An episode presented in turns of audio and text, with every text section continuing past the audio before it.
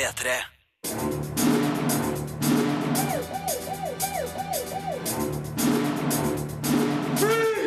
Filmpolitiet! What's your name, dude? Birger Vestmo. What kind of stupid name is that? Spekter er Daniel Craig-epokens beste Bond-film. The Park er et nifst, men litt uforløst skrekkspill. Ash vs. Evil Dead er den tøffeste seriestarten på årevis. Halo 5 Guardians er et teknisk imponerende spill. Gjengangerne sesong 2 er et fascinerende zombiedrama. The Babadook er en genuint skremmende film. Det siste kongeriket er et voldelig, fornøyelig og spennende vikingdrama. Og Sangen fra havet er en sterk filmopplevelse for både store og små. Alt det her skal anmeldes i denne utgaven av Filmpolitiet. Dessuten skal regissør Sam Mendes fortelle hvilke elementer som må være med i en Bond-film, mens Daniel Craig skal avsløre hvorfor Bond må ligge med så mange damer. Filmpolitiet anmelder film.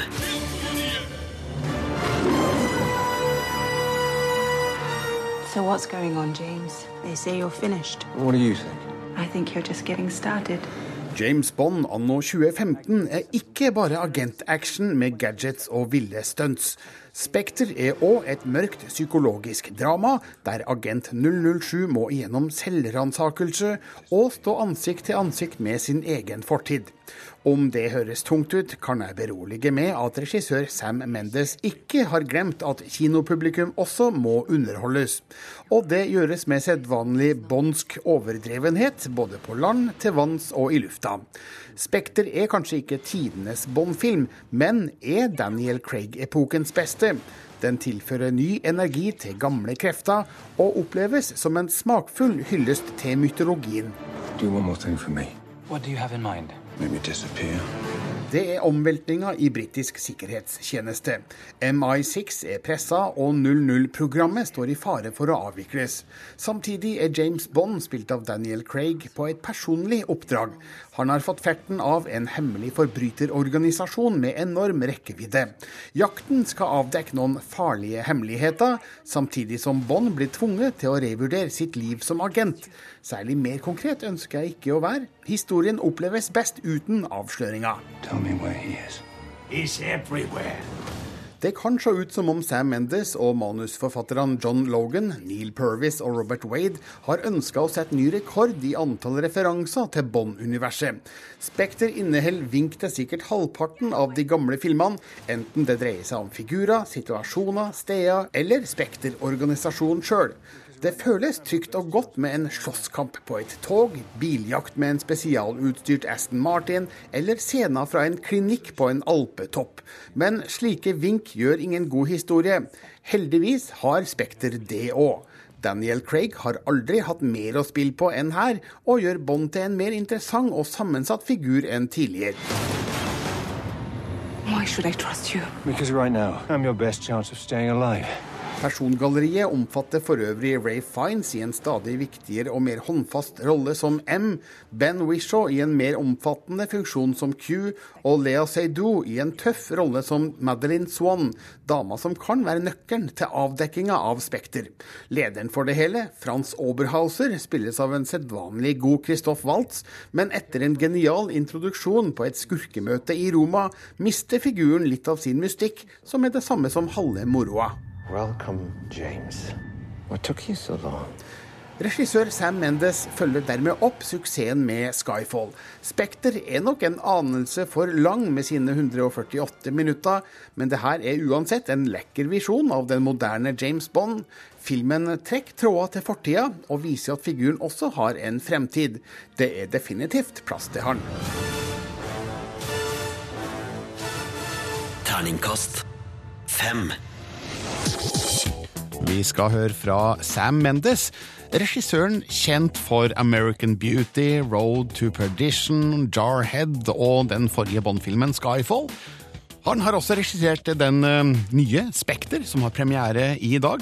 NRKs Kjartan Aarsand har møtt Mendes eh, og spurt hvilke elementer han føler må være med i en James Bond-film. Well, the answer is a lot of different things have to be there, um, and it's one of the most difficult things about making a Bond movie. Is uh, you have to have probably three huge action sequences and probably a few smaller ones as well. You have to have girls. So Bond women, he has to have relationships with all of them of differing sorts. There has to be a villain. There has to be an MI6 plot with M and Q and Moneypenny. And if you're not careful, you that's a lot of boxes you have to tick before you can even start telling a story. Oh, and on top of that, he has to travel the world as well. You know, so now you try and make a story that involves all those things, and it feels natural. You know, that's the most difficult thing. It's a job of reverse engineering, Bond. You know, you have to take those things and then you have to work backwards from all of them and make it seem natural and organic. And I suppose that's the most difficult thing. And who says all those elements have to be there? Uh, nobody. Uh, it's a kind of unwritten rule and understanding. Uh, um, you know, they don't have to be exactly the same. Uh, you know, um, but uh, somehow it's um, a, a shape that works. And I think if you if you veer from the shape, it stops being a bomb movie and it starts being a little bit more problematic. I mean, I think the mistake is to think that in, in having all those things, you can't therefore be original and you can't do new things, which of course you can and you have to be original. Um, but you also have to pay homage to what's come before. How much do you, as a director, have to deal with the specific demands of the big studios? Well, surprisingly little, actually. Um, on this one, I think uh, particularly because of the success of Skyfall, I had a kind of freedom. They trusted me more. Um, it felt like I knew what I was doing. Um, whereas the last one, they were like, you know, we know you're a, we like you as a filmmaker, but can you do action? Can you do a big film? Now I think they thought, okay, he knows what he's doing. And then on top of that, I have two producers, Barbara Broccoli and Michael Wilson, who are brilliant at protecting me from the day-to-day concerns of the studio. You know, going over budget, going over schedule, all of those things. They protect me from that. So really, I, I was left alone to make the film, and that's a, a rather odd thing when it's something so big. But I was. Det sa regissør Sam Mendes, som altså hatt stor frihet under produksjonen av den siste James Bond-filmen Spekter. Intervjuer var Kjartan Aarsand, som også har møtt eh, skuespiller Daniel Craig, som altså da spiller selveste James Bond. Han skal straks eh, avsløre hvorfor Bond har seg med så mange damer. P3. Ah, 007. Q? Please excuse the mess. Everything's a little bit up in the air, what with the changes and all. A couple of things to get through. Shall we get started? What are you personally most happy with in this Bond movie? I don't know if there's anything one, one thing. I'm just very proud of being a part of this. I'm very honored to get the chance to work with incredible actors and an incredible director and the crew and everybody involved with this movie are just the best there are and uh, for me that's that's I, I, I get the most joy from that. I have a question. Well, what's that? Why, given every other possible option, does a man choose the life of a paid assassin? Well, it was that or the priesthood. From the first time you saw Bond on screen, uh, how would you say that uh, the character has evolved? Uh, I, I don't know. I, I, all I can say is that I brought myself to this, and I, I, I, I my way of uh, approaching a role is my way. I mean, everybody has their different methods, and I've never wanted to copy anybody else. I wanted to do something that came from within inside me. So I couldn't give you a straight answer about that. It's just, uh, it's just this is my version. What's your version? Uh, I don't know. I mean, you, you tell me. You're the one who watches. I don't watch them. Well, I can tell you that I don't trust you. Well, then you have impeccable instincts. If you don't leave now, we'll die together. I can think of worse ways to go. Why do you think Bond has to sleep with so many women? Does he have a problem? He doesn't have to sleep with so many women. Um, I think that part of the, the kind of the the, the uh, sort of the in the Bond world, it's been traditional that he has um, he's slept with women, a lot of women. But it's, it's, I suppose it's sort of the relationship between sex and death. I mean, it's uh, and whether or not the two are very connected, and that if he thinks he's going to die all the time, and uh, people he's with think they're going to die, then maybe sex is, uh, you know, on the agenda. Dette er Filmpolitiet Filmpolitiet på P3. Daniel Craig ble intervjua av Kjartan Aarsand, og mer fra hans Bond-intervjua finner du i selskapets Bond-spesial, som ligger ute i NRKs nett-TV.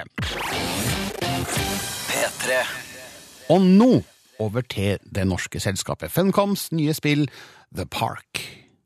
Filmpolitiet anmelder spill.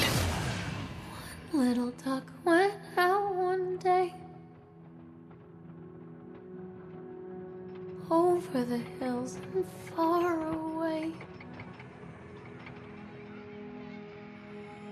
Ah, Mother duck said quack, quack, quack, quack.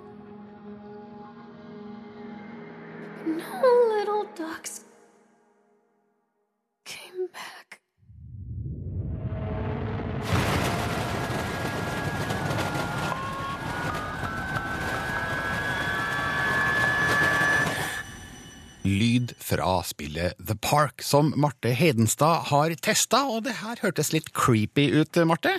Ja, det er rimelig creepy. Det er, det er jo da Funcom som har laga det spillet her, og de har laga et eh, Det er et lite spill. Jeg brukte ca. 1 12 time på å komme gjennom det, eh, hvor du går rundt i en fornøyelsespark. Eh, Og det som har skjedd her, er at du spiller da Lorraine, som har mistet sønnen sin i denne fornøyelsesparken.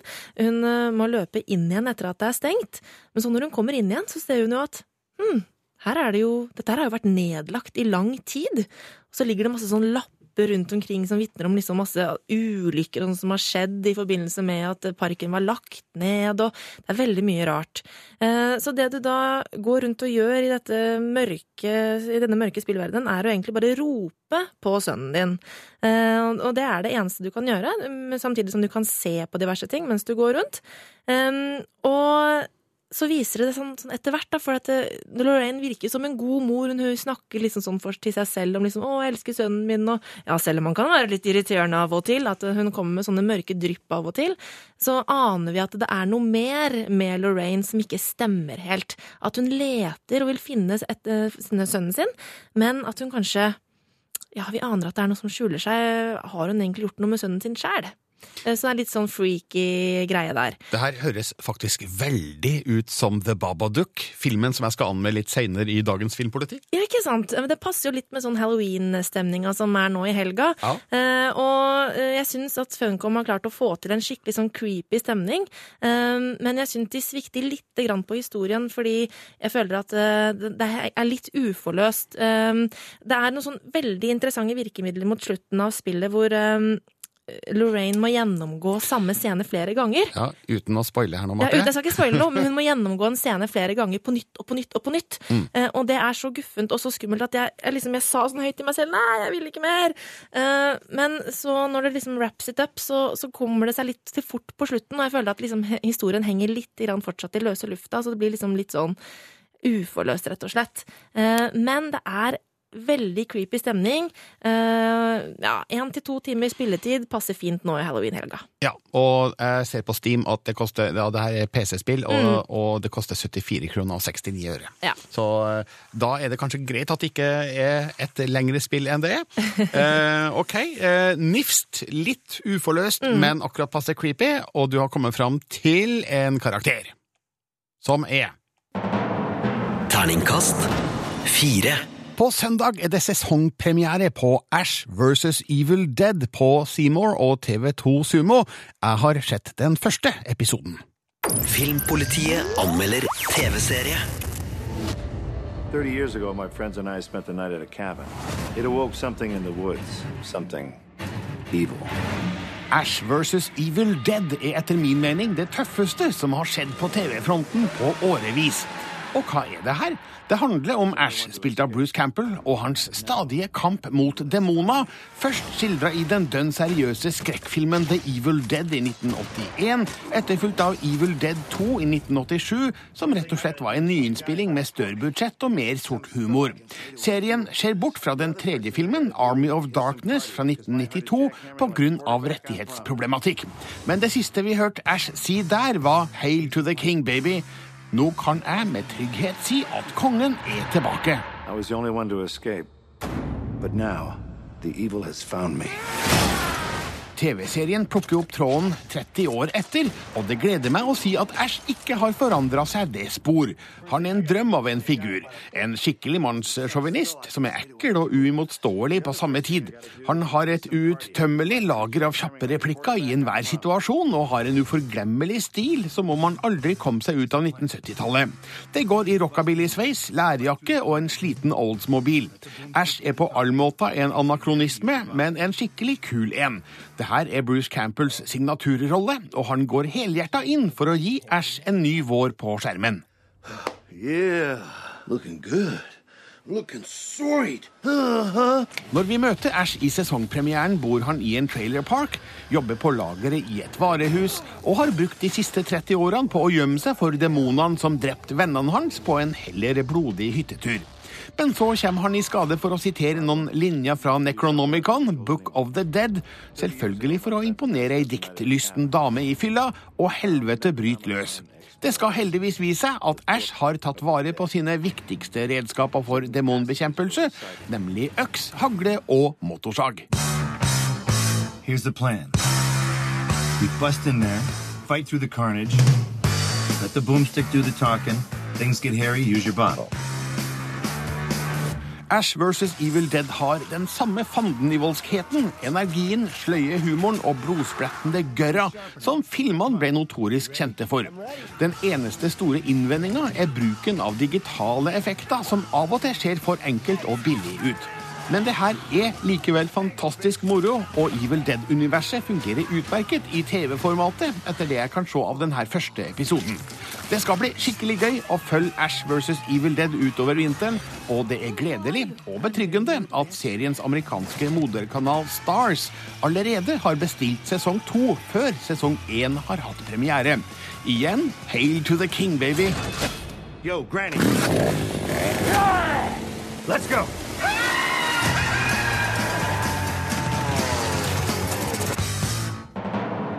Terningkast fem.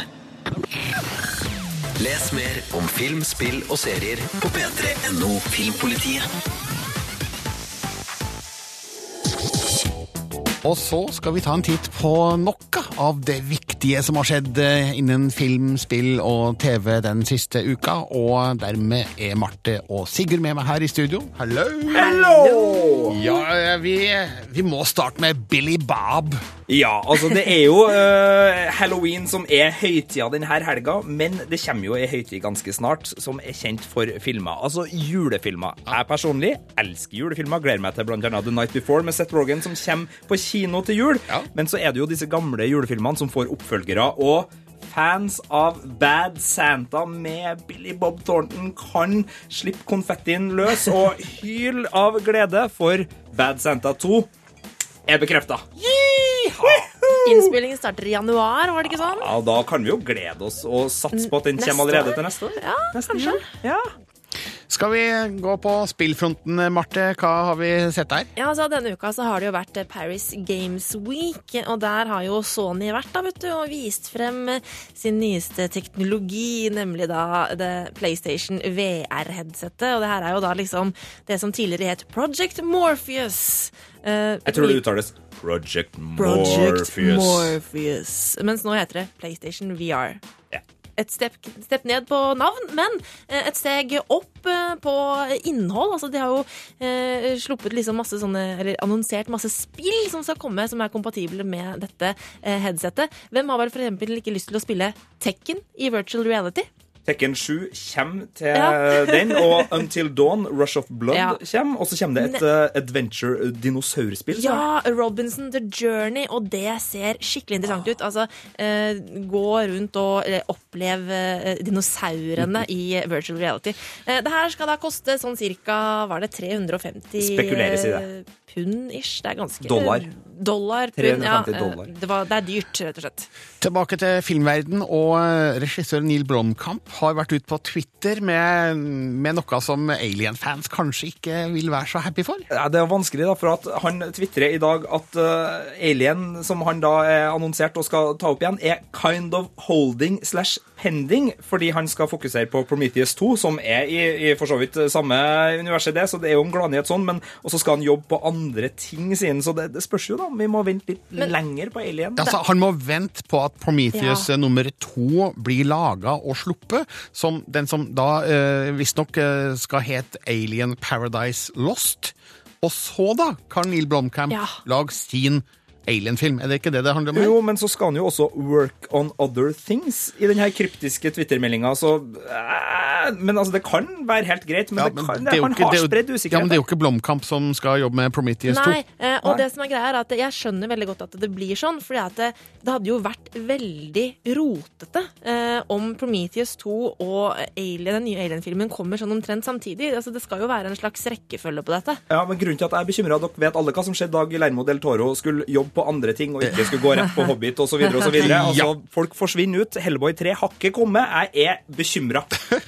Jeg liker Men ikke other things. jeg tror at det blir Prometheus 2 eh, slash eh, Alien Paradise Lost yes. først. Og så blir det Blomkamps eh. Alien-film. Så vi får smøre oss med tålmodighet.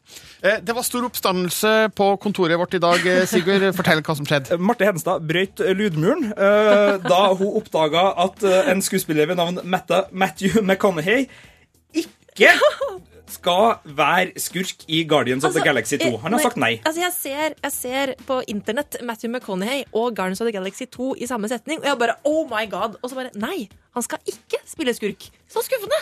Hvordan reagerte du da, Marte? Det var Hva var det jeg sa? Det er Sjuko! Eller et eller annet sånt. eh, Nå, I det ja, landskapet sånt, der. ja. Ja, ja. Er det en nyhet, egentlig, at Nei. han ikke skal Nei, gjøre noe? Men det som er en, på en måte en liten nyhet, da, er jo at det sier litt om hvilke ambisjoner filmskaperne har for eh, Guardians of the Galaxy 2. Eh, og det får jo oss, oss til å lure veldig på hvilken skurk det her kan være, da, som han da ikke skal spille. Sigurd og Marte, hjertelig tusen takk for oppmøtet. Filmpolitiet.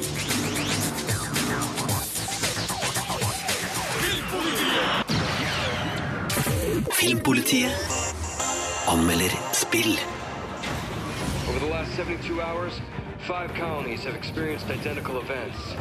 Massive destruction. Hostile contact! Go! Run! I tried to warn you this was happening. I mean, how are you even supposed to bring them in? Ask politely. You're to return to Infinity immediately.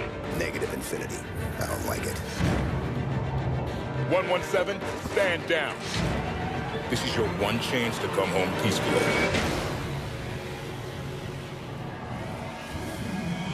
I have a job to do.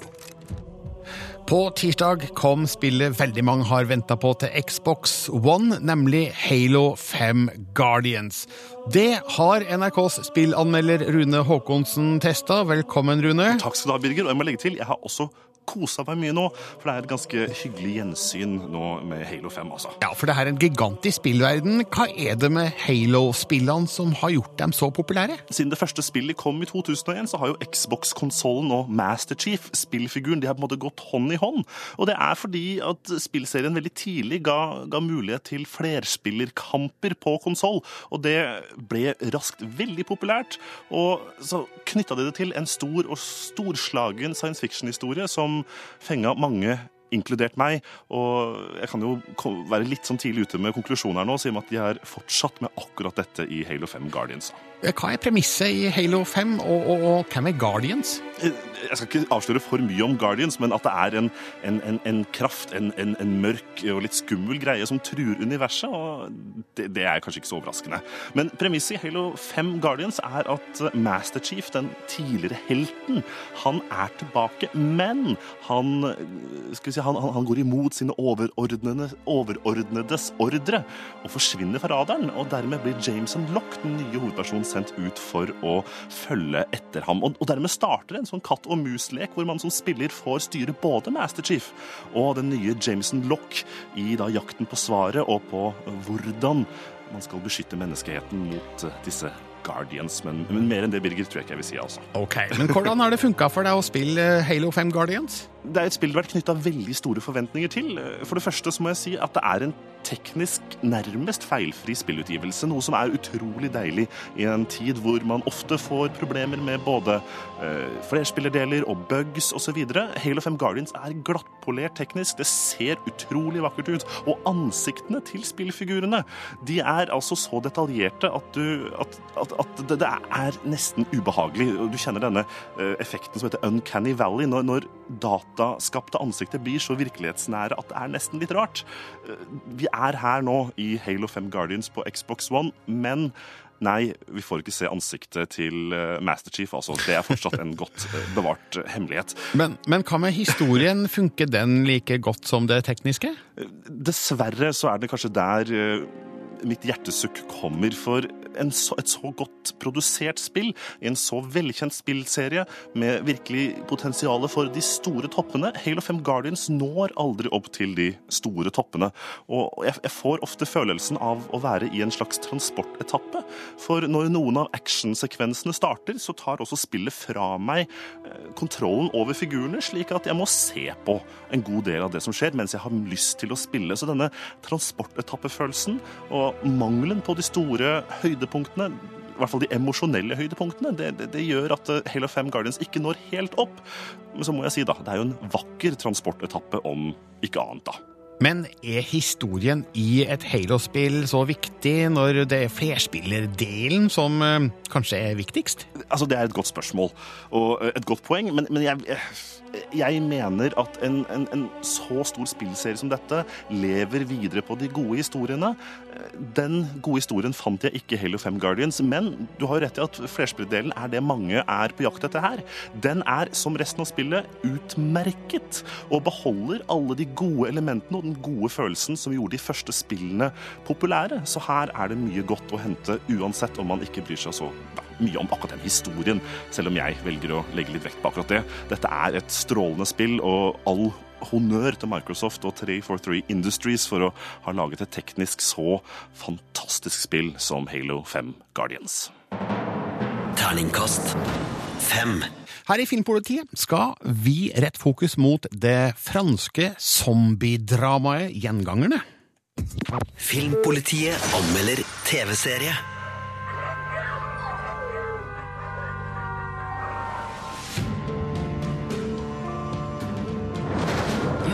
Plus personne dans la ville. Vous devriez partir vous aussi.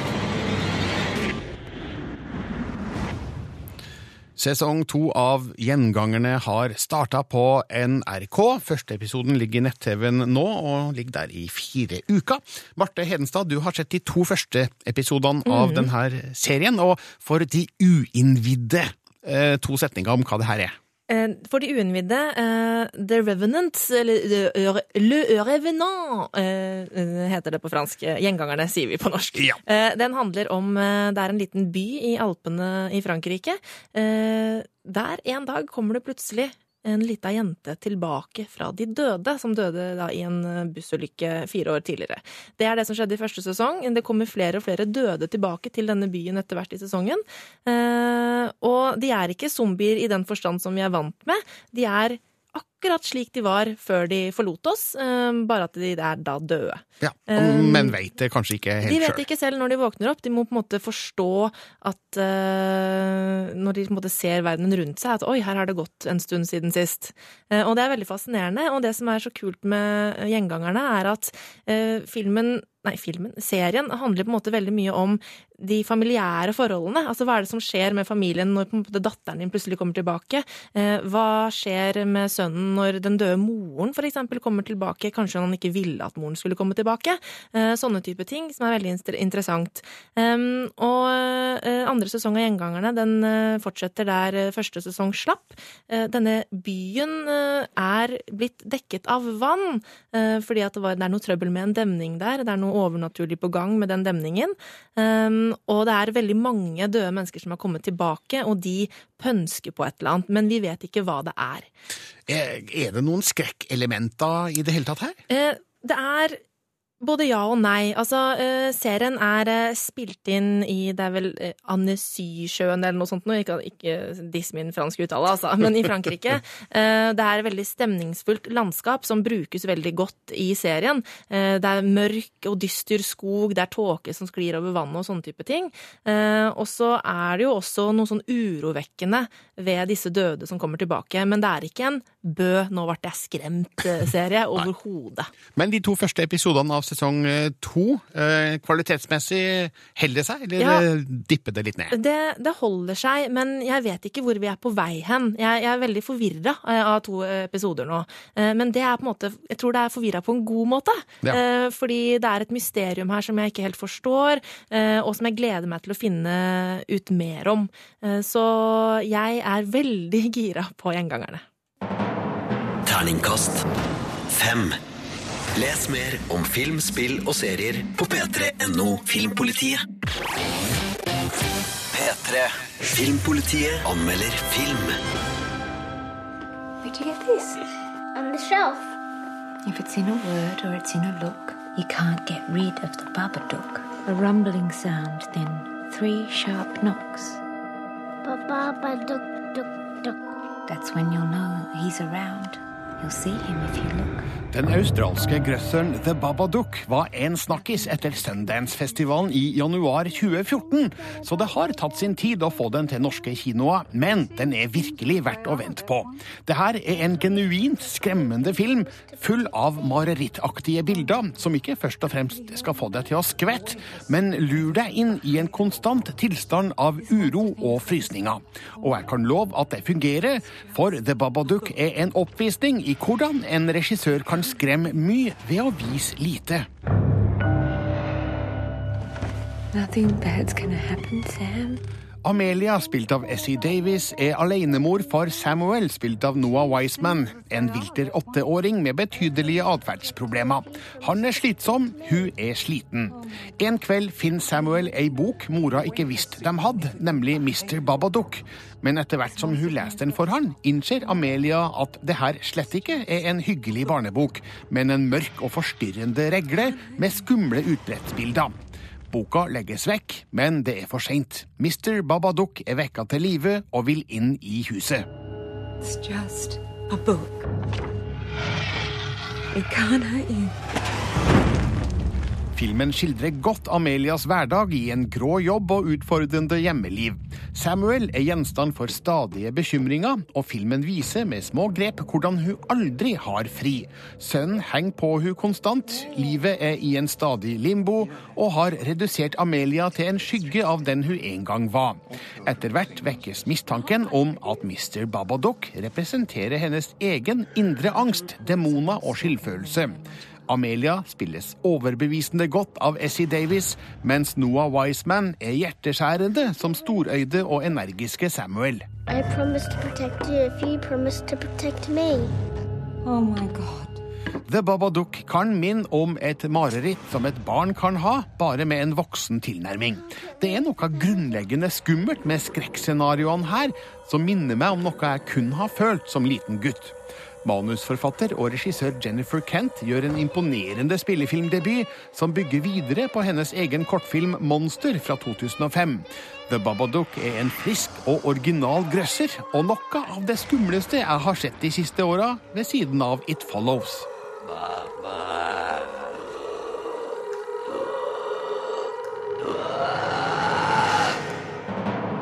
Terningkast fem. Den irske tegnefilmen Sangen fra havet var nominert til Oscar for beste animasjonsfilm tidligere i år. Nå har den omsider kommet til Norge, og Marte Hedenstad liker det hun ser. Hun kaller Sangen fra havet animasjonskunst på sitt beste. Filmpolitiet anmelder film. This is an ancient shell that my mother gave me a long time ago. Hold it to your ear and listen carefully. You will hear the song of the sea. Et vakkert stykke filmkunst er resultatet når filmskaperen Tom Moore bruker håndtegnet animasjon med en blanding av akvarellkunst og en moderne strek til å fortelle et eventyr inspirert av det irske sagnet om selkene. selene som kunne kaste hammen for å bli mennesker.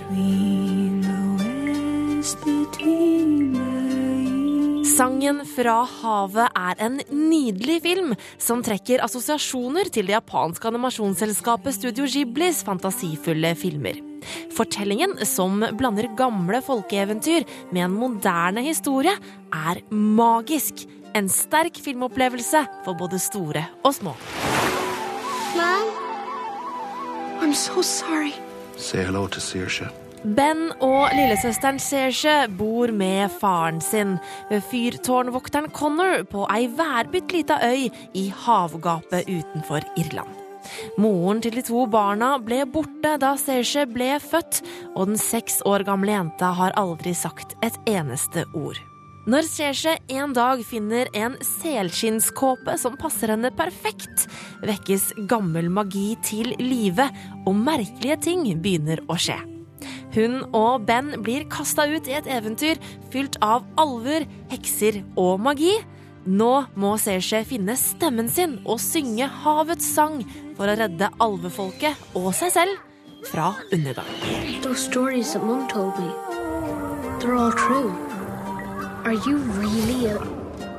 Selkie? Det er ikke uten grunn sangen fra havet ble nominert til Oscar for beste animasjonsfilm i år. Filmen er et strålende stykke animasjonskunst. Bakgrunnen i bildet er malt med akvarellfarger, mens rollefigurene er tegnet med en moderne strek som blir en fin kontrast. Tom Moore har også latt seg inspirere av kubismen når det gjelder perspektiv og dybde, noe som gir en flathet i bildet som passer godt med resten av stilen. Lydsporet er komponert av Bruno Collet sammen med den irske folkemusikkgruppa Kila. Og filmen er fylt med vakker irsk-gælisk folkesang som drar deg rett inn i eventyret.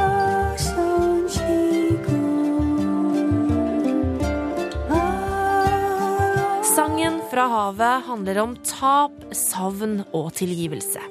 Faren er kjærlig, men fraværende pga. tapet av kona, og Ben er sint på Serge fordi han forbinder henne med den skjebnesvangre natta da moren forsvant. Når vi beveger oss inn i eventyruniverset, fortelles handlingen på en enkel, rett frem måte som nok kan oppleves litt for enkel for noen voksne. Men Sangen fra havet er likevel en sterk filmopplevelse fordi det er så mange inntrykk å ta inn.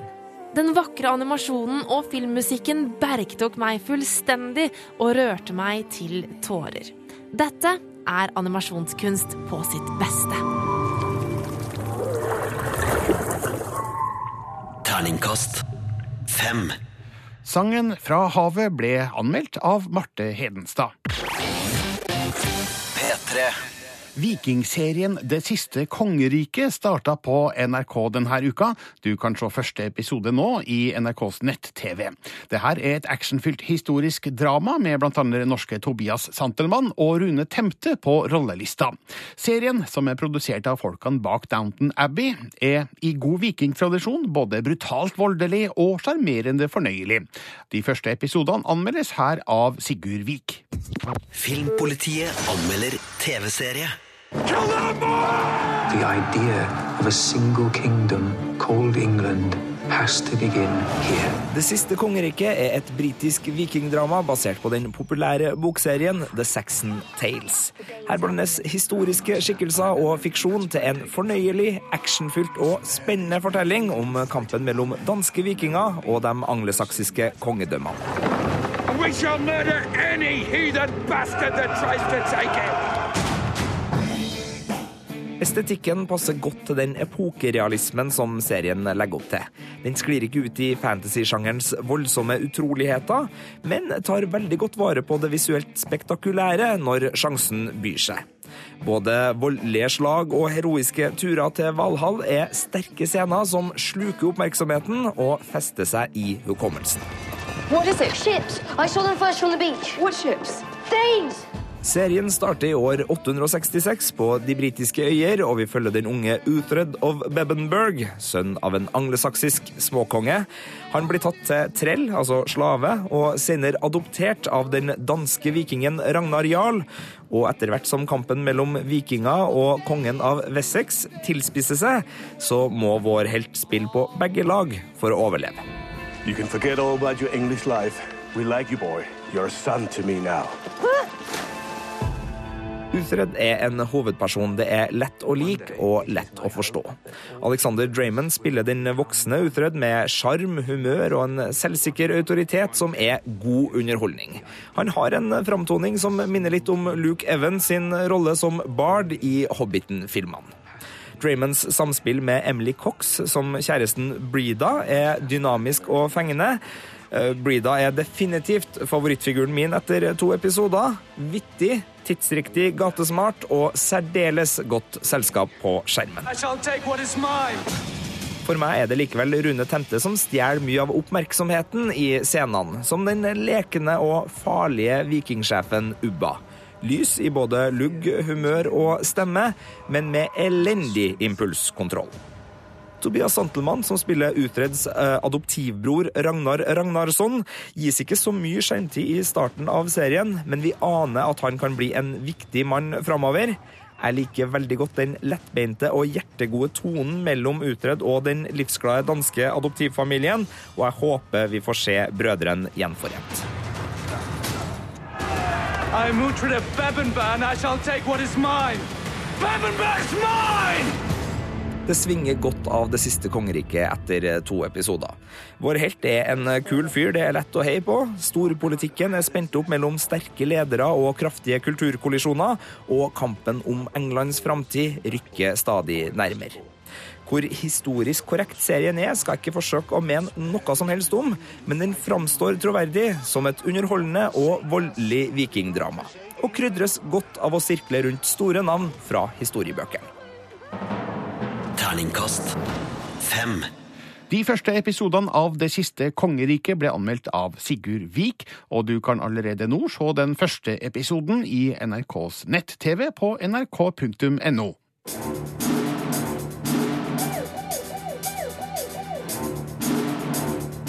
Freeze! Filmpolitiet! What's your? Birger Vestmo. Kind of? Hør flere podkaster på nrk.no podkast.